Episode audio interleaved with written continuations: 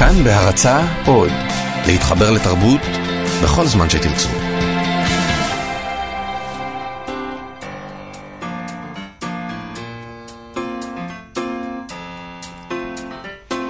מה שכרוך עם יובל אביבי ומה יעשה לה. צהריים טובים, שלום לך, מאיה סלע, אנחנו כאן תרבות, כל יום, א' עד ד' ב-12. שלום יובל. שלום גם לעורכת שירי לב-ארי ולמפיקה ענת אורי ולטכנאי אלון מקלר. אה, יש לי מסרים. כאן תרבות, רשת חדשה בכל ישראל בתדרים 104.9, 105.3 בתל אביב ובמרכז. ניתן למצוא אותנו בעמוד הפייסבוק שלנו. בכאן תרבות, וכמובן בפלטפורמת הפודקאסטים שלנו, כאן עוד, באתר האינטרנט שלנו. תוכלו למצוא אותנו כל בסדר, היום. אפשר להתחיל אבל. יש בוא. לי מסרים. אה, יש לך עוד מסרים? לא, אני אמרו לי... קדימה, על יש מה? לי- יש פה שני עמודים של מסרים, אני אומר את ממש טיפין. אה, אוקיי. אה, על מה נדבר היום? אוקיי, תשמע, אנחנו נדבר היום על צרויה שלו, אה, סופרת צרויה שלו, שעברו 20 שנה מאז שהוציאה לאור את הרומן חיי אהבה. כן.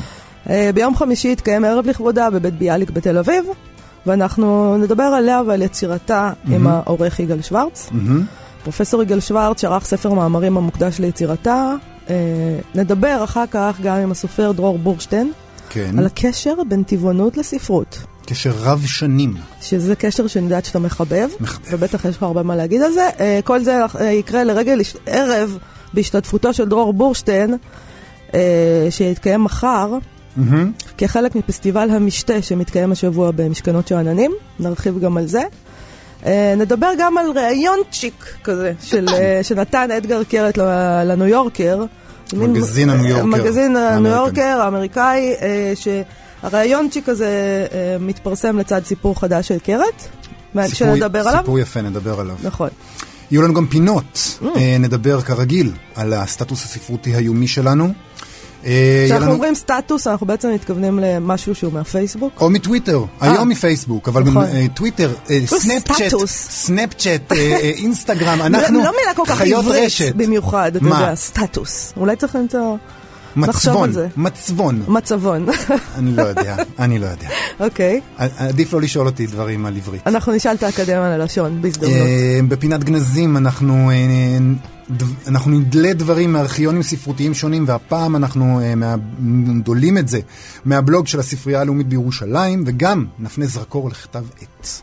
לפני כל אלה, יש מאורע חגיגי, בימים אלה ממש. מפעל הפיס פרסם סוף סוף קול קורא להוצאות הספרים להגיש אה, מועמדויות אה, לפרס ספיר. אז התחיל המסע הגדול אה, אל עבר הפרס הכספי הכי גדול בארץ, הכי מעורר שערוריות, הכי שנוי במחלוקת, ובניגוד להרגלך אני מבין שאת אה, לא שופטת השנה, מאיה?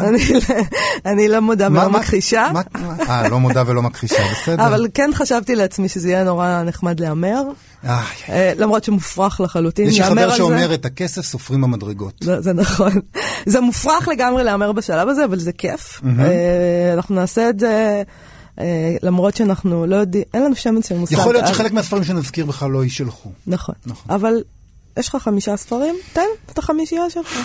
זו משימה קשה, אבל אין, לפחות לא... אין, אתה לא מהמר באופי שלך, אני קולטת. תשמעי, אני, אה, אני זורק פה ניחושים איומים, ומה זה לא מהמר באופי שלי? אני יודע מה טוב. כשאני שם על שחור, יוצא אדום. אז זה רע מאוד לסופרים שאני הולך להזכיר אותם. כן.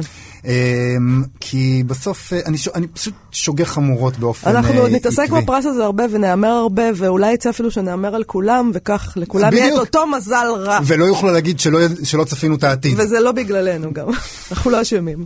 קדימה, בלי לבזבז זמן. מה, תמנה את הספרים. תשמעי, אה, דברים שקופצים לי לראש מהעת האחרונה, יש את ניסן אה, שור, עם כן. הישראלי הנצחי, אה, כן. שיצא בכתר, ואמיר זיו עם ספר טוב מאוד, אה, ארבעה אבות, ספר ביקורים טוב מאוד. יצא בעם עובד. יצא בעם עובד.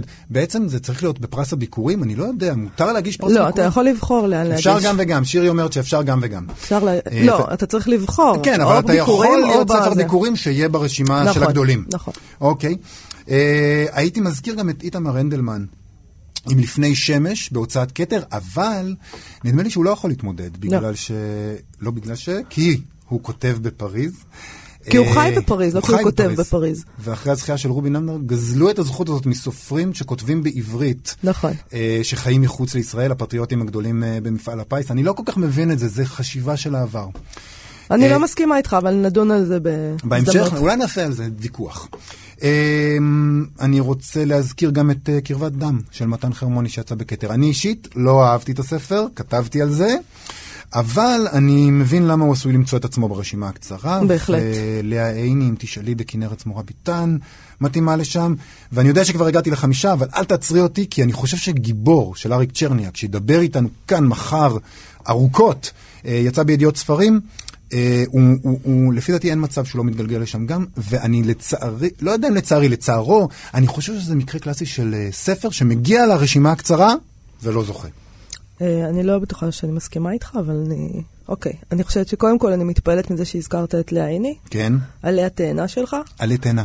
אפשר היה לחשוב שרק גברים יודעים קרוא וכתוב במדינה הזאת. תקשיבי. שלא אה, נדבר על גברים אשכנזים. פוליטיקת זהויות זה שלי. אוקיי. אני זה, את קח את זה. אה, רוויזיוניסט. אז בוא נוסיף אה, לרשימה שלך את הספר המטורלל לרגל עבור מקום אחר של אוריאן מוריס, שיצא בכנרת זמורה וביטן. אה, לא שאני חושבת שהוא יכול לזכות, אבל הוא קצת- ספר, הוא קצת שונה. הוא הוא שונה, אה, מאוד. אבל אני אני שכחתי אותו, זה ספר מעולה, והוא לא קיבל את אה, תשומת הלב לא, שמגיעה אני לו. חושבת שהוא לא כל כך קל להבנה. לא, ו- הוא קשה הוא קשה לקריאה, קשה להבנה, ו... אם כי הוא, הוא- אותי הוא מאוד הצחיק. הוא גם ספר מצחיק והוא גם. מעניין וגם אז מעציב וגם יש מה אנשים רגילים בו. אבל לאיזה נרטיב, טוב, לא נדבר עליו עכשיו, נדבר עליו בהזדמנות אחרת. אולי אני- כשהוא יזכה בפרס ספיר, אז נזמין אותו לכאן. לאולפן לשעה. שלמה של דיבור על... אה, אני אוסיף שלוש נשים לרשימה הזו. קדימה. אה, אחת מהן, אה, שתיים מהן אולי אפילו, אה, לא אשכנזיות, אני מקווה שזה לא יפגע בך. כל הכבוד לך על הרבגוניות. שטוקהולם של נועה ידלין, שיצא בהוצאת כנרת זמורה ביטן. כן. נועה כבר זכתה בפרס ספיר, אז נראה איך זה ילך עם זה. יש את הכלה סגרה את הדלת של רונית מטלון, שאין לי שם מושג אם זה שייך לשנה הזאת או שזה... אין לי, לא יודעת, שהוא יצא בכתר. ואתמול קיבלתי ספר אה, של סלינה סייג, אהה, חדש, כן. אה, שנקרא פרקי מכונות, שיצא בהוצאת אחוזת מעניין בית. מאוד. ואני יודעת שהספר הקודם של סלינה סייג זכה לשבחים רבים. בהחלט. הוא היה ספר מצוין. בצדק, בצדק, אז כן. אה, יש עוד, אה, עוד ספרים שרואים אור ממש עכשיו, שיכולים להיכנס לפי דעתך. לגמרי, זה אה, ספר שנקרא אח שלי איוב, של שמי זרחין, שיוצא בכתר, וספר שנקרא, עם השם המוזר, קיגי, של סמי ברדוגו, שיוצא בספרייה מאוד. החדשה. אני אוהב אותו. זה, כן, סמי מאוד ברדוגו הוא בן. אדם מעניין, והוא כותב מעניין, ו... את שמה לב שגם אצלך יש אה, רוב גברי מובהק. כן, אה, מביש. ואני- חושב שהגענו, אני חושב שכיסינו פה איזו רשימה של 12 כותרים. נתנו להם את הרשימה הארוכה, נכון. אתם יכולים ישר לעבור לרשימה הקצרה. בדיוק, אין צורך. בשופטים, עשינו-. אה, עשינו לכם את כל העבודה. נכון. אנחנו נעבור לדבר על צרויה שלם? יאללה, קדימה. כן. תראה, אה, יצא הספר הזה של פרופסור יגאל שוורץ, אה, שנקרא אה, את יודעת שמצלמים אותנו עכשיו. מקוננת. שידרו את זה בטלוויזיה, אז נראה את זה גם למצלמה. מקוננת במכנסי נמר, נמר, שם מאוד סקסי, נכון? ספרים סקסיים. נכון, עכשיו אנחנו, הספר הזה מתעסק ב, ביצירה של צרויה שלם. אה, ספר שערך יגאל שוורץ. יגאל הוא אה, עורך ראשי בכנרת זמורה, ביטן, ראש מכון הקשרים לחקר הספרות והתרבות היהודית והישראלית באוניברסיטת בן גוריון. והספר הזה יצא בהוצאת ידיעות ספרים באוניברסיטת בן גוריון בנגב. אה, יש בו מאמרים שכתבו שוורץ, דוקטור שי צור ונופר רשקס. עכשיו, חיי אהבה, אנחנו... אה, זה, זה, על זה אנחנו נדבר בעיקר, כן. הרומן הגדול הזה של כן, שחוגג שלם. עכשיו 20 שנה. שם מתואר מפגש בין אישה צעירה לגבר מבוגר, כן. מפגש שמשנה את החיים שלה, שמשבש את היחסים שלה עם בעלה. כן. אה, אני יכולה להגיד עליו שהוא נבחר על ידי הדר שפיגל הגרמני לאחד מ-40 הספרים הגדולים ביותר בעשורים האחרונים. כן. הגרמנים מאוד אוהבים את צרויה שלם. מהמם. הוא תורגם לעשרות שפות, הוא היה רב מכר עולמי. אני שומע צליל של הסתייגות בקול שלך? אה, אני לא יודעת אם לקרוא לזה הסתייגות, אבל אני רואה את הספר הזה ככזה שאולי סימן איזו התחלה של כתיבה, שרבים ראו אותה כהתחלה של ספרות, אני לא, להגיד התחלה זה קצת אשמה כבדה, אבל אה, ספרות בורגנית שמתעסקת במשפחה, באהבה, האישה והרומנים שלה, ההתנתקות הזאת מהסיפור הלאומי. אה, זה ספר שנמכר היטב, מאוד אהבו אותו, אבל אני חושבת שהממסד הספרותי דחה אותו. אבל עכשיו בא יגאל שוורץ, ובמאמר שהוא כותב פה בספר החדש שלו, כן. הוא נותן אה, פרשנות אחרת למהלכים שצרויה שלו עושה. כן. Uh, אני יכולה להגיד לך שאני, אחד הדברים שאני, כדי להסביר לך מה כל כך מעצבן אותי, אני זוכרת שאחד הדברים שהכי עצבנו אותי בספר אחר שלה, טרה, כן. שהיא כתבה אחרי חיי אהבה, מה עצבן אותך? זה שהגיבורה שם, שגם לה יש משבר בחיי הנישואים, אז היא ככה, מין, מסתובבת באיזה סהרוריות כזאת ונרדמת על ספסלים. מה רע? יש משהו בגיבורות של צרויה של לב, כן. שנדמה לי תמיד שהן רחוקות כפסע מללכת לפדר את הפן. והן שבריריות, תמיד נראה לי שהן זקוקות למלכי הערכה ושמישהו יציל אותן. אז תקשיבי, זה בדיוק הנקודה אה, שבה אה, יגאל שוורץ טוען שאת טועה. נכון. אה, והוא די משכנע, המאמר שלו, תקשיבי, קריאה אה, מאוד מעניינת. ואני גם כן זכרתי את הספר הזה כחלק מגל, אולי אחד המובילים של הגל הזה, שקמו לו אחרי זה חקיינים ופחות טובים, ופחות מצליחים אולי, אה, שמה שהוגדר בסוף שנות ה-90 כאיזה מרד שפוף, כן? אה, זניחה של התמות הלאומיות הגדולות והרצון להיות המבוגר האחראי של החברה הישראלית דרך התרבות, דרך הכתיבה, ומעבר לכתיבה אישית, בורגנית כמו שאמרת, שלא מעלה שאלות גדולות, אה, ועל הדרך גם מחפצנת נשים וכוללת אה, כמה סצנות סקס אה, שלא כתובות, אה, אתה יודע, תמיד אומרים שסקס קשה לכתוב בעברית. ו... נכון. אז תשמעי, פה יש לו את המאמר שעוסק בחיי אהבה. מאמר האופציה הפריג'ידית. האופציה הפריג'ידית, שם כבר שגורם לך לרצות לקרוא. זה, אני חושב, בניגוד להרבה אה, ספרים שעושים אה, מחקר, זה ספר שמאוד מתאים לקהל הרחב, הוא כתוב בשפה מאוד בהירה. נכון. הוא, והוא טוען שפשוט כולנו פספסנו את המסר העמוק בספר, ויש לו גם הסבר למה. אה, ההסבר הזה מופיע דווקא בהקדמה לספר, שהיא גם מאוד מעניינת, אולי נצרף אותו, נדבר. קדימה. איתו. שלום, פרופסור יגאל שוורץ. לא, אני לא מבין למה אתם מצרפים אותי, הם עושים את זה כל כך יפה בלעדיי. לא, לא, אנחנו. צריכים אותך. אה, תראה, יגאל, קודם כל מזל טוב. תודה רבה. ו- להגיד שאני חושב שמה יעשה לתועה זה לא קורה. אוקיי, זה לא, מסוכן, בשביל זה באת. זה מסוכן, אי אפשר לדעת מה יקרה אחר כך. אז אתה, תראה, אתה, אני חושב- אני רגע, חושב על מה. יעשה לה, אני חושב על מה. יעשה לה, אני תמיד מאוד אישי, אבל אני חושב על מה יעשה לה רצוי השלו, באמת קשה לי לראות את החיבור, אבל... אה, אתמול, אה, אתמול בשידור. עשינו אה, פרשנות פסיכולוגית שלי. היום נעשה פרשנות פסיכולוגית של מאיה, זה נהדר. יגאל, רגע. ראי. נבלת. בוא, בוא. נחזור? לתלם, נחזור. אוקיי, אתה, אני מבינה, במאמר הזה שלך טוען, בוא נתחיל מטענה אחת, שהסיבה לכך שהממסד הספרותי התעלם מצרויה של לב היא כי היא אישה, ולדעתך סופרת בישראל יכולה להיות או קנונית או רבת מכר, אבל לא שניהם ביחד. והיא, מכיוון שהיא נמכרה היטב, לא נכנסה לקאנון. זה... אני, אני מתארת נכון את הטענה שלך? כן, אני חושב שכן, אה, אני, אבל תשמעי, מעבר לשאלה של, של ההתקבלות, אני חושב שמה שמאוד חשוב לראות זה מה היא עשתה. יש פה, תראו, יש, אה, יש את הפאסון ויש מה שעומד מאחורי הפאסון. אין שום, אה, ולפעמים גם זה מתחבר, ואצלה זה מתחבר. אני לגמרי מסכים איתך שמה שאפשר לפנטז, שחושבים על סיפורים של צרויה, וגם שרואים אותה, זה בכלל, כן. זה באמת איזה גברת שיושבת על איזה כיסא כזה אה, עם אה, סגול, אה, כן. כן, ושמאחורה, מעליה מישהו אה, מנפנף במניפה לגרש את הזבובים. עכשיו, היא גם אומרת את זה מפורש, דרך אגב, בספר הראשון, שזה מה שהיא הייתה רוצה, שיהיה יושבת על סירה ושמישהו יעמוד מעליה. גם אני כן, רוצה, את הנסיכה. בטח. עכשיו, זה בדיוק העניין, שזה לא, הנסיכה הזאת היא לא בדיוק דמות בורגנית כל כך, כבר אם מדברים על העניין הזה. אוקיי. הפאסון של הסיפורים שלה הוא פאסון של סיפורים בורגנים, עם משפחות, ומשפחות מורכבות, וחדשות, ונעליים וגרביים. אבל מתחת, וזה הגדולה של אה, הלשון, מכיוון שהיא אה, בס- ביסודו של דבר אה, סופרת משוררת. אבל היא סופרת משוררת שאתה יכול לקרוא אותה בלי להתעכב כל שתי שורות, להגיד איזה יופי, ואז נתקע לך סיפור. סליחה. אלא אתה, הסיפורים נקראים בשטף, ואתה לא מרגיש את הרובד הזה שרוכש מתחת, שאתה חוזר וקורא את הסיפורים ועושה את החיבורים ברשתות האלה של התמרורים של המילים. אתה פשוט רואה שזה עולם גותי שלם לגמרי. אז בוא נדבר על הרובד הזה. בוא נדבר על הרובד הנסתר הזה, שבעצם אתה טוען שכולנו, שהממסד הספרותי פספס אותו. בישראל. הוא עצלן. אבל מה הוא פספס? עצלן? ושמרן. אוקיי. מה שיש מאחורה זה דברים שהם, אה, אה, שכל מה שיש בחיים שלנו זה איזה מין הד או, או, או צל של משהו שהיה קודם, שאנחנו לא יכולים להשתחרר ממנו, ומאחורי החזות הבורג, החזית הבורגנית הזו יש ארמונות הרוסים. וילדים בתוך מקלטים ש, שצורכים ו- ואף אחד לא שומע את שוועתם, וככה וככה וככה.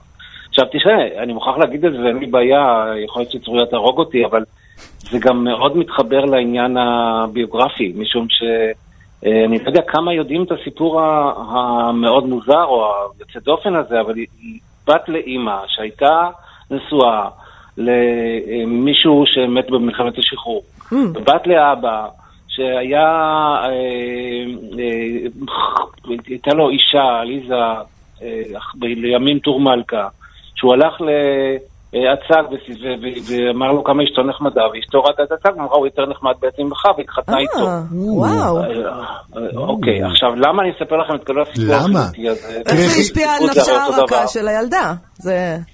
כן. כי כל מה שיש לה זה סיפור של חיים שהיא מנסה לשחזר ולתקן סיפור חיים ש, ש, שנגמר לפני שהיא נולדה והיא כל הזמן חושבת על איזה בכלל ילדה היא הייתה אם היא נולדת נולד לזיווג הזה או לזיווג הזה או כל מיני דברים כאלה. כן. זאת אומרת, מאחורי ההווה הציבורי, האלה, כמו שאנחנו אומרים, יש uh, סיפורים אלטרנטיביים uh, ש...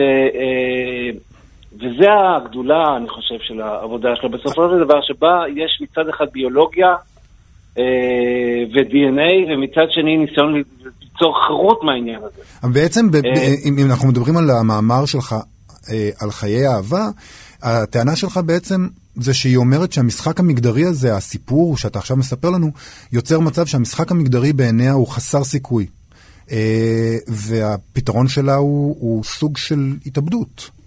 בערך. כן, אני חושב שמה שהיא אומרת, שאם אתם כל כך רוצים כל הזמן, הגברים, אה, לחמם אותנו ולקרר אותנו, ויש שם כל מיני סצנות מאוד נחמדות שדוחפים לה גם אה, אה, קרח לתוך איבר המין, אה, רק כדי שאחרי זה אפשר יהיה עוד פעם להפשיר אותה, וחוזר חלילה, וכל העסק הוא כמו סצנה פורנוגרפית, ואנחנו רק צריכות לשחק, אנחנו יופי, מוצא חן בעיניי, אנחנו צריכות לשחק רק את המשחק הזה של ה... אז אנחנו לא אה, ניתן לכם את התענוג הזה לגברים. לא, לא, לא, זה לא נכון. אנחנו נשחק את המשחק ונמשיך הלאה, אבל אל תחשבו שאנחנו גם נהנות מהסיפור הזה, אנחנו עושים את זה מצוות, אה, אה, אני יודע, אה, משתפות פעולה מלומדה. אבל אנחנו אה, לא מתנגדות. היא לא, אצלה אנחנו לא מתנגדות. נכון, נכון, אוקיי. אנחנו לא מתנגדות וזה בדיוק טרויה שלו. כן. אבל זה לא מתנגדות מתוך זה שזה אומר, אה, אה, מבחינתנו זו פעולה ריקה. ומה שאני, הסיפור נגמר בזה ש... ש אה, אה, על רקע האגדות שאתם כל הזמן מספרים על אה, נשים וגברים ובנות מימרות, אני אמציא את הסיפור שלי תוך כדי זה שאני סוגר את עצמי במקום בחתונה בספרייה בהר הצופים, ומי שהיה בהר הצופים ונכנס שם בספרייה בחושך, זה לא חוויה שאני הייתי רוצה להעביר למישהו. תלוי אה, מי, תלוי מי נתקעים אה, שם. תראה, אני לא... לא פוסלת את האפשרות. כן, אבל מה שאני רוצה להגיד, כי זה הספר השני שלה. אוקיי. רוצה שתשימו לב לעניין הזה, לקחתי מאמר אחד מתוך כמה, ואין לי בעיה עם זה בסדר. אבל שהמרד הזה פה, ב... זה, זה הדבר הכי חשוב, שגם קשור אצלה לעניין הביוגרפי. אה, יש ספר שלה שנקרא שארית החיים, ובספר הזה יש, אה, הוא הספר שהכי קרוב לחיים שלה. ויש שם אה, משפחה, ויש אימא שכמו צרויה אימצה ילד. כן. ובאופן מפורש נאמר שם, וזה נכתב ככה ומובנה ככה, שהילד שהיא מאמצת עדיף על הילד החי, כמה שזה, על הילד ה... ה- הביולוגי. הביולוגי. כן. ובכל הסיפורים שלה יש צריכה נגד את סדר הקיום הביולוגי, ובוודאי נגד סדר החיים הבורגני.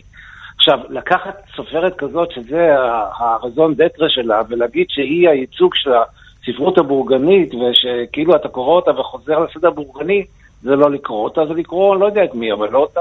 אוקיי. טוב, טוב, אתם מתקנים פה אני עוול. לקרוא אותם מחדש. כן, מאיה, תקראי את המאמרים. אוקיי, את המאמרים קראתי, עכשיו אני אקרא את צרויה. עכשיו. אני רוצה שנגיע לחלק שבו משווים את מאיה לצרויה. זהו, זה בתוכניתנו הבאה, יגאל. אמ, תודה רבה לך. שדיברת איתנו. להתראות. תודה, ביי ביי. אה, ספר מרתק, מקוננת ממכנסי נמר.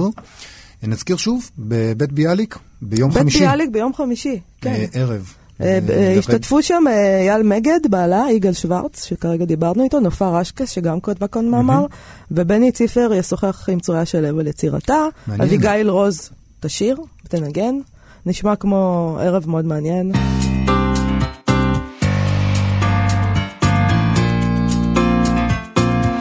בוא נעבור לפינה הראשונה שלנו, הסטטוס הספרותי היומי שלנו. מה, מה יש לך בשבילי? תשמעי. מה מצאת שם? לפני כמה ימים נתקלתי בסטטוס של הסופרת אה, גלית דן קרליבך, שלא מזמן יצא ספרה חדש, אה, סופה של אליס, בכנרת זמורה ביטן.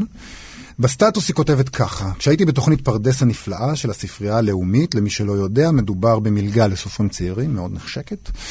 אה, היא ממשיכה, היה לי ויכוח עם אחד הארכיונאים, הוא אמר שצריך, שיש לשמור כל פיסת חיים של הסופר, מיילים, מכתבים, פיסות דפים, פתקים שכתבה לו המאהבת ודחפה מתחת לכרית. אני טענתי שמילא, כלומר היא, מילא הסופר, אבל אם הוא נורא רוצה שהמחקר יעסוק בהקשר הנרטיבי של צבע משחת השיניים שלו וטעמה הסגולי שיעשה זאת, אבל מה עם כל אלה שכתבו לסופר הזה? מה עם כל אלה שהפקידו חתיכות חיים בידיו ולא חלמו שאף אנתרופולוג או עיתונאי להוט הזדמנות יוציא את זה לרחוב? ואני ממשיכה ואומרת, אני חושבת שלא הומניסטי לפרסם דברים של אנשים אחרים בשום מחקר או ספר, ולא חשוב מה העם חושב.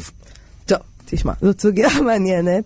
כן. אני חייבת להגיד שהאינסטינקט שלי כעיתונאית וכחטטנית מדופלמת, זה לרצות לראות את כל הדברים בארכיון של סופר או משורר. שאני אוהבת ומתעניינת בו, אבל כשהיא, כשהיא כתבה את זה, אני חושבת שזה בהחלט, אה, אני יכולה להבין שהרעיון שאתה יכול למצוא את עצמך מתגלגל באיזה ארכיון כזה שלא בטובתך, כי כתבת פעם איזה פתק טיפשי לאיזה סופר שהוא דוד שלך, או מישהו שהיית מאוהבת בו, ועכשיו את נושא המחקר ופרשנות, זה טוב, קצת... טוב, טוב. זה- אין פה שאלה בכלל, או. ואני אומר את זה בתור בן אדם שיש לו התנגדות אוטומטית לארכיונים. אני, אני, הקטע של שמירה כפייתית מבאס אותי. אה, אם אנחנו נשמור את הכל, בסוף יהיו כאן רק ארכיונים ובתי קברות ואת ה... אבל בקומות. בקומות, ובסוף השמיים. למעלה בשמיים אנחנו נאלץ לקיים את החיים שלנו גם מעל כל הארכיונים, אבל אין פרטי ואין ציבורי יותר. אף פעם לא היה, אין היה, שאלה היה, בכלל. היה, היה. היה. נכון שהיום עם פייסבוק אין, אבל פעם? מה לא, זאת אומרת? פייסבוק פשוט הפך את זה למובן מאליו ובחוץ. זה אף פעם לא היה קיים, ולראיה, כל הארכיונים האלה שמלאים בפתקים שהם... אה, ש, ש, הפרטיות של אדם אלמוני זה קורבן שאני מקריב בשמחה, בלי למצמץ בכלל, לטובת הבנה של טקסט שאני אוהב, על אחת כמה וכמה טקסט שאני לא אוהב. טוב, אה. אתה בן אדם אכזרי. אני חייבת להגיד שיש לי עוד התלבטויות בעניין הזה, אתה מאוד נחרץ. אה, אתה יודע כמה דברים נאמרו לי על ידי סופרים וסופרות בראיונות שהיו אוף רקורד ומוקלטים אצלי, ואני עכשיו מבינה שאני צריך למחוק אותם. לא למחוק. מותי, כדי שלא ייפול לך לידיים. לא למחוק, את פושעת אם את מוחקת, כי אם הסופרים האלה שווים משהו, שראיינת, ואני בטוח שהם שווים משהו, כי את מראיינת רק סופרים שהם שווים. משהו, אז בעוד מאה שנה מישהו חרוץ וסקרן ימצא את זה, וזה יהיה אוצר. אה, אם הסופרים האלה מבינים משהו מהחיים שלהם, הם יודעים שבלי הדברים האלה, בלי הפתקים האלה והצטלח וה, וה, וכל השטויות האלה, הספרות שלהם תמות, בגלל שבלי מחקר וגילויים חדשים, אף אחד לא יקרא אותם לנצח. הרכילות, במרכאות כפולות, מצילה את הספרות. אז מה שאתה מציע לי זה לקחת את כל ההקלטות האלה, שכוללות את כל הסודות הכמוסים האלה, ולהעביר אותן למכון גנזים. חס וחלילה. יתבעו אותך דיבה, אה, אה, קודם כל תמותי, אה, ואז מישהו שלא חייב להם שום דבר ימצא את זה ויעביר את זה הלאה. טוב, אז אני רוצה לצאת מפה בקריאה נרגשת לכל הסופרים שאי פעם ראיינתי, אה, והפקידו בידיי את סודותיהם הכמוסים ביותר. אני מתכוונת להאריך ימים, אין לכם מה לדאוג. סודותיכם שמורים עימי. אה, מזל, יש לכם מזל שיש לי גם זיכרון קצר, זה לא שאני מסתובבת עם המידע הזה במוח, אה, ואם נראה לכם שאני מסתכלת עליכם מוזר, זה רק בראש שלכם. אני, אני, אני רוצה לצאת בקריאה משלי אם ככה. לחוקרי הספרות של העתיד, יש אוצר בהארד דיסק של מאיה סלע, לכש, ותאריך ימים בבקשה, כי אני צריך אותך פה, אני לא מסתדר לבד, אבל לכש, חכו להזדמנות, תרוצו לבית שלה, תגנבו את, ה, את טוב, יובל, הלפטופ. לפני שאתה קובר אותי בששון ובשמחה, בוא נדבר עם הסופר אה, דוקטור דו- דרור בורשטיין. על מה נדבר איתו? אוקיי, תראה, היום אה, מתחיל במשכנות שלנים פסטיבל ספרות ואוכל תחת השם המשתה. אה, הפסטיבל הזה מזמין את הקהל לארבעה ימים שהם מגדירים כציטוט, חוויות מעוררות חושים, אירועי ספרות ושירה מלווים בתשוקה, תאווה. והרבה טעימות של אוכל, יין ואלכוהול משובח. אני אתן לך כמה דוגמאות לאירועים שיהיו שם. קדימה, אה, תספרי לנו מה- מה הולך להיות שם. ובכן, תראה, יש אירוע שהכותרת שלו היא זהירות רעל, כן. מסוכן, מפתה, מכשף, קטלני. הרעל עופף את ביצת הספרות כענן ירקרק, ראו זהרתם. כל זה יקרה, נועם מנהיים תשוחח עם שרה בלאו ודורי מנור על מוטיב הרעל בספרות. מאגדות עם לספרות בלש, משלגיה ועד מדם בוברי. מהמלט ועד הנסיכה הקסומה. האמת שזה נשמע מדהים. זה נשמע מדהים. ו- אבל קולך המלטף, זה הופך את זה לאפילו עוד יותר מדהים. אפרת גוש תנצח על כל התזמורת הזאת ותשאיר שם. אוקיי. אה, עוד למשל אה, משהו שיש לנו כאן, בואו נראה מה... קונצ'רטו לעגבנייה. אה, זה מבית מטבחו של אה, אייל שני? זהו, כן, אייל שני ואסף רוד בדיאלוג ספר... ספרותי מוזיקלי, אה, מעניין. אוקיי? אז זה משהו מעניין. זה האירוע של דרור, שדרור משתתף בו? האירוע של דרור, מתי זה? מחר, מחר, בין חמש, אה. בין חמש לשש בערב, על תזונה ורגישות. נכון. עם דרור בורשטיין. ריקי בליך תשוחח עם דרור בורשטיין, אגי משעול ואסף שור, על האופן שבו משפיעה הטבעונות על הכתיבה הספרותית. היוצרים יחלקו עם הקהל מתכונים מנצחים וידונו בדמויות ובדילמות טבעוניות בתולדות הספרות. מרתק. אה, ואני יודעת שהתחום הזה מאוד מאוד מעניין אותך, כל נכון. הסיפור הזה של... זה טוב שמצלמים אותנו עכשיו גם בווידאו, כי רואים איך אה, יש לך את המבט הזה בעיניים. אה, חמלה זה משהו שאת שומרת אך ורק לבת שלך, שאגב, היא טבעונית. כן, ברור. אה, זה נושא חשוב, זה נושא שהולך שנים רבות אחורה בספרות העברית. פיירברג כתב על זה, עגנון, שלום עליכם, גנסין, כל אבות הספרות העברית, כפי שאת מכירה אותה, התייחסו לסוגיה של אכילת בשר. זה דבר משמעותי שהתחיל הרבה לפני כל הפוליטיקת זהויות ש... שאת כל כך שונאת. למה, אז למה אתה משמיץ אותי עכשיו? אני שונאת את זה ואני שונאת את...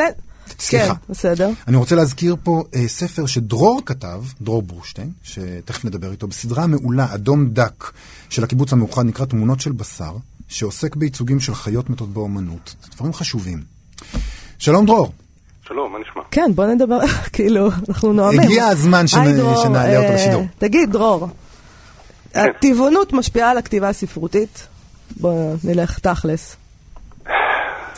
אם היא משפיעה על הכתיבה הספרותית. כן. אה, כל דבר משפיע על הכתיבה הספרותית. אני מתאר לעצמי שאם אתה אוכל בבוקר אה, פלאפל, אה, או נגיד שתי מנות פלאפל, זה ישנה משהו באופן שבו תכתוב. תהיה קצת יותר כבד במקרה של שתי מנות. יכול להיות שאתה כנראה לא תוכל להחזיק את העט. זה- מאוד קשה לאכול שתי מנות פלאפל, אני מדבר מניסיון. אמ, כן, זה זה משפיע גם ברמה הזאת, באמת אה, זה מאוד משנה אפילו אם אתה שותה קפה שחור או תה, ואם אתה שם סוכר או לא שם סוכר, כל דבר שאתה מכניס פנימה הוא משנה את מי שאתה קצת, כן. ולכן גם את איך שאתה כותב. אמ, היא משנה את הכתיבה גם במובן אולי אחר, שהוא יותר עקרוני, וזה איזושהי הצעה, נגיד, אה, לסוג מסוים של תשומת לב, ליצורים חיים, בני אדם, בעלי חיים. כלומר, ברמה עצים. המוסרית, אתה מתכוון. זה לא רק ברמה המוסרית, הרמה המוסרית היא אה, איזשהו דבר שיכול לבוא אחר כך, אבל זה קודם כל ברמה הקוגניטיבית, של אה, להסתכל על איזשהו יצור ולראות מהו. וטבעונות, אני חושב, היא קודם כל איזושהי תולדה של, של תשומת לב כזאת, שאנשים מסוימים מחליטים גם לקחת אותה להחלטות שאפשר לקרוא להן מוסריות. אבל הסיבה שאנשים מחליטים, נגיד, לא לאכול ביצים, זה קודם כל בגלל שהם חשבו קצת יותר מאנשים אחרים אולי על מה זה ביצה, איך היא נוצרת, מה עובר על התרנגולת שמטילה אותה. אפשר להסתכל על כל הדברים האלה ולהחליט כן לאכול ביצים בסוף, אבל זה מאוד קשה, אני חושב, אה, להגיע לאיזושהי החלטה מוסרית אם אתה פשוט לא שם לב בכלל לביצים ופשוט בולע אותן, כמו שאתה נושם אוויר נגיד או משהו כזה. אז טבעונות קשורה לתשומת לב. תגיד, לב אתה. אתה, אתה חושב שאתה יכול לקרוא, נגיד, ספר, ולזהות אם מי שכתב אותו הוא אוכל בשר או לא? או, שאלה מצוינת. כמובן שלא. לא, מכיוון אוקיי. שאנשים יכולים uh, להעמיד פנים, כלומר, הם יוצרים לעצמם דמויות של מספרים שיכולות להיות מאוד ענוגות ורכות וטובות לב, בעוד שהם uh, למחייתם, um, אני לא יודע מה, גוזרים אוזניים של כלבים. אה. זה הספרות, כן, הספרות היא סוג של מסכה, והמסכה הזאת מסתירה הכל, כלומר, אה, אתה לא יכול לדעת בעצם מי נמצא מאחורה. גם אדם, דרך אגב, שמביע איזה שהן עמדות טבעוניות או משהו כזה, זה ממש לא אומר שהוא לא גוזר אוזניים של כלבים מאחורה. כלומר, נכון. זה, אתה יכול לעשות מה שאתה רוצה, זה כמו תיאטרון. אבל אתה אומר שכאילו בן אדם שהוא טבעוני, זה יוצר לו איזושהי פרספקטיבה, איזשהו מבט על העולם, שלמי שהוא לא טבעוני אין. זה לא יוצר לו, אני חושב שזה בא אה, אוקיי. מהמבע הזה. כלומר, אה, אולי זה שני, שני צדדים של אותה מטבע, אבל אה, אני גם לא חושב שאין אותה לאנשים אחרים. זה גזרה מסוימת של המציאות. אנשים יכולים לשים לב לדברים אחרים בצורה מאוד מאוד אה, מרהיבה ומדויקת, אבל זה נובע מתשומת לב אה, בעיקר לעולם בעלי החיים. אה, וזה דבר שהוא לא כל המציאות כמובן, הוא חלק מהמציאות, אבל הוא חלק די גדול, כי יש המון בעלי חיים מסביב, ואנחנו לא רואים את רובם בעיר, אבל הם שם, גם בעיר דרך אגב. אה, יש המון מופעים של בשר ושל אה, חיות בספרות, לא רק במובן יותר פילוסופי של, המבט, אלא ממש אה, שחיטות יש בספרות היהודית והעברית. יש, כמו שהזכרנו כמה שמות פה מקודם, יש המון התייחסות לזה. כשאתה קורא דברים כאלה, זה גורם לך להתייחס אחרת ליצירה כטבעוני? תראה, הספרות העברית, אתה הזכרת כמה דוגמאות טובות. המהפך של הספרות העברית, אה, שלא התחיל ביום אחד, אבל בוא נגיד שלקראת סוף המאה ה-19 אפשר לסמן אותו, וככה בדרך כלל מסמנים אותו. אחת מהיצירות החשובות ביותר היא היצירה שהזכרת של פיירברג, העגל. וזאת יצירה שהיא מהפכנית במובן הזה שהיא מצד אחד אה, מתארת את הנרטיב הידוע פחות או יותר של הילד היהודי שכבר אין לו כוח ללמוד בחדר והוא בעצם עוזב את המסגרת החברתית או רוצה לעזוב במקרה הזה ו- ולעבור לאיזה עולם אחר, יותר פתוח אולי, שיש בו היכרות עם תכנים אחרים. העניין ביצירה הזאת שכל המעבר הזה הוא כרוך גם באכילה של בשר ובעצם הוא נובע ממנו. כלומר, זה, זה הגדולה של היצירה הזאת, שהילד שם, הגיבור, מתעורר לכל המחשבות האלה שמובילות אותו לזהות שאפשר לקרוא לה נגיד פחות או יותר חילונית או קדם חילונית, זה לא ממש חילוני. כן. אה, בגלל מפגש עם עגל, בגלל מפגש עם, עם בעל חי. זו, זו אופציה שהספרות העברית לא לקחה אותה אה, רחוק אחר כך. כלומר, אה, כי עשו את ההפרדה הזאת, כלומר, אה, אפשר היה לעבור לאורח חיים שאפשר לקרוא לו חילוני ולהמשיך לאכול בשר. הוא הציע את ההצעה המהפכנית לכרוך את שני הדברים האלה ביחד. ומעניין לחזור אל ההצעה הזאת היום. רוב הקוראים שלך, מן הסתם הם, אה, הם אוכלים בשר. רוב הקוראים בכלל. רוב הקוראים, כן. עדיין, כן. רוב בני האדם אוכלים בשר. כן. אה, העיסוק בסוגיות האלה, כשהוא בא בצורה ישירה, זה לא ירתיע אותם? אה, אתה יודע, כשמדברים עכשיו על כאילו, אל תיכנסו לי לצלחת וכולי, אתה כאילו חושב בכלל על ההתקבלות של הדבר הזה? כל העיסוקים החשובים בספרות מרתיעים את רוב הקוראים. מה, זאת אומרת, אם אתה תכתוב על אה, בעיות בתוך המשפחה או משהו כזה, רוב האנשים, אני חושב, מעדיפים אה, שהכל יהיה בסדר בסך הכל. מה צריך את הצרות האלה? כן, מה אני צריך את זה על הראש? אז רק דוגמה פרטית לאיזשהו עניין יותר עקרוני של הספרות. אז אה, אם היינו הולכים לפי הקו הזה, היינו נשארים, אני מתאר לעצמי, עם די הרבה ספרים, אבל אתה יודע, אהבותיה של יצרנית וכל מיני דברים כאלה, זה ספרות ראויה. זה לא, זה יכול להיות נושא מרתק, מה? אהבותיה של יצרנית. כן, בטח, ברור. כן, הכל, כן, הכל, אני- כל נושא יכול להיות נושא מרתק או נושא משעמם. נכון. אה, דרור, לסיום, אה, אני רואה בתוכניה שאתם תחלקו לקהל מתכונים מנצחים וכאלה. אה, מידע מוקדם אני יודעת שאתה מומחה לא קטן לחומוס. אני חושב שאני מומחה מספר אחת בארץ. עוד- אה, יש, יש, איזה, יש איזה 400 אלף מומחים מספר אחת בארץ. זה כמו אבו שוקרי, יש אה, מספר אחת המקורי. אני מצפה להכרה הזאת. אוקיי, אז אה, כמומחה מספר. אחת בארץ לחומוס, דרור כן. בורשטיין, אה, איזה חומוס הכי טוב בעיניך? טוב, התשובה היא, אני חושב, די ברורה. כן. אה, מדובר אה, בחומוס של ג'ינג'י בקיבוץ עינת כמובן. כמובן. אה, ברור. בדרך לבית העלמין עוצרים אצל עוצרים הג'ינג'י. בחומוס, כן. אוקיי, בחיים לא הג'ינג'י אכלתי שם. טוב, אני לא. אנחנו ניסע. בב- בביקור הבא בבית עלמין נעצור שם. לגמרי. תודה דרור, רבה, תודה דרור. רבה לך ובהצלחה מחר תודה באירוע. להתראות. בחמש בערב. תודה. ביי, להתראות. טוב, יובל, אה, בוא נעבור לפינתנו, שאנחנו קוראים לה גנזים, שבה אנחנו עושים מה שלא היינו יכולים לעשות אם אה, הדברים היו תלויים בך. מה? ולא היו ארכיונים בעולם. אה, הנה. ואז לא היינו יכולים לשלוף. מארכיונים, דברים שאותי מאוד מרגשים. מה מרגש אותך? מצאתי בבלוג של הספרייה הלאומית, בלוג שנקרא ספרנים, בלוג מאוד יפה. כן. משהו שכתבה שם הדר בן יהודה, כן. שמתארת איך כתבה מרים ילן שטקליס את השיר דני גיבור. שיר בעייתי מאוד. טוב, תקשיב, אה, אה, בוא, בוא נקריא רגע כדי שנזכיר לכולם, כן. ואז נבין למה אתה עוד פעם מתלונן שיש דברים בעייתיים. עוד פעם. אמא אמרה לי, דני, ילדי הוא גיבור ונבון. ילדי לא יבכה אף פעם כפתי קטון. אינני בוכה אף פעם, אינני תינוק בכיין, זה רק הדמעות. הדמעות הן בוכות בעצמן. את לא- את לא רואה פה מה- בעיה. מה אין- הבעיה? אין פה בעיה. אוקיי, מה מה הבעיה שלך? עוד פעם אתה מגן על הילד שלך מהמציאות. תשמעי, המאזינים לא יודעים את זה. אוקיי. אבל אני נוהג לצנזר ולכתוב מחדש יצירות לילדים כשאני מקריא אותם לבני בן הארבע וחצי. תפסיקי לנענע בראש שלך. זה נורא. אה, אה, הנה, שירי תומכת בי. שירי גם תומכת, רק. אני ספרטנית. אה, היה זקנה לנו הבת שלי, אלוהים ישמור. בפודקאסטים שלנו, לפני שעלינו לשידור חי, דיון על זה. יש פה מסר איום ונורא שאסור לבכות. את יודעת שאני לא בוכה? אין. המנגנון אבל הזה... למה אתה תמיד מאיים עליי שאתה תבכה? אני מאיים, אני אוקיי. מאיים, זה בקטע פאסיב אגרסיב פולני. אוקיי. אבל אני לא בוכה, המנגנון הזה מקולקל אצלי ואצל הרבה גברים אחרים. ולמה? למה? בגלל שירים כאלה. לילדה לא היו שרים את זה. כי ילדות מותר להן לבכות, וילדים בני ארבע צריכים להיות גברים ול- ולא לבכות ולהחניק את זה. הדבר היחיד שאני יכולה להגיד פה, זה שצריך ללמד גם ילדות לא לבכות, כי כבר נמאס מזה שכולם בכיינים. וואו, וואו. תהיו קצת פחות בכיינים, זה לא יזיק לאף אחד. עכשיו תיתן לי להמשיך רגע עם מרים- ילן שטקליס. עם כל הכבוד לבכיינות שלך. ככה. אז uh, בבלוג של הספרייה הלאומית uh, מצאו מכתב שהיא כתבה, מרים ילן שטקליס, לחוקר הספרות גצל קרסל, אני מקווה שאני מבטאה את שמו נכון. מה היא כתבה? קודם כל מדובר במכתב בין 29 עמודים, וואו, וואו. אה, נכתב בהפסקות במשך חודש, שבו חודש. היא מגוללת את קורות חייה. אה, אני חייבת להגיד, אני לא אקריא את כל ה-29 העמודים, אז. נא לא לברוח. תודה. אה, אבל היא בעצם מספרת את הס- את הסיפור מאחורי השיר הזה, דני גיבור, אה, את- את- ששינה את עולמה.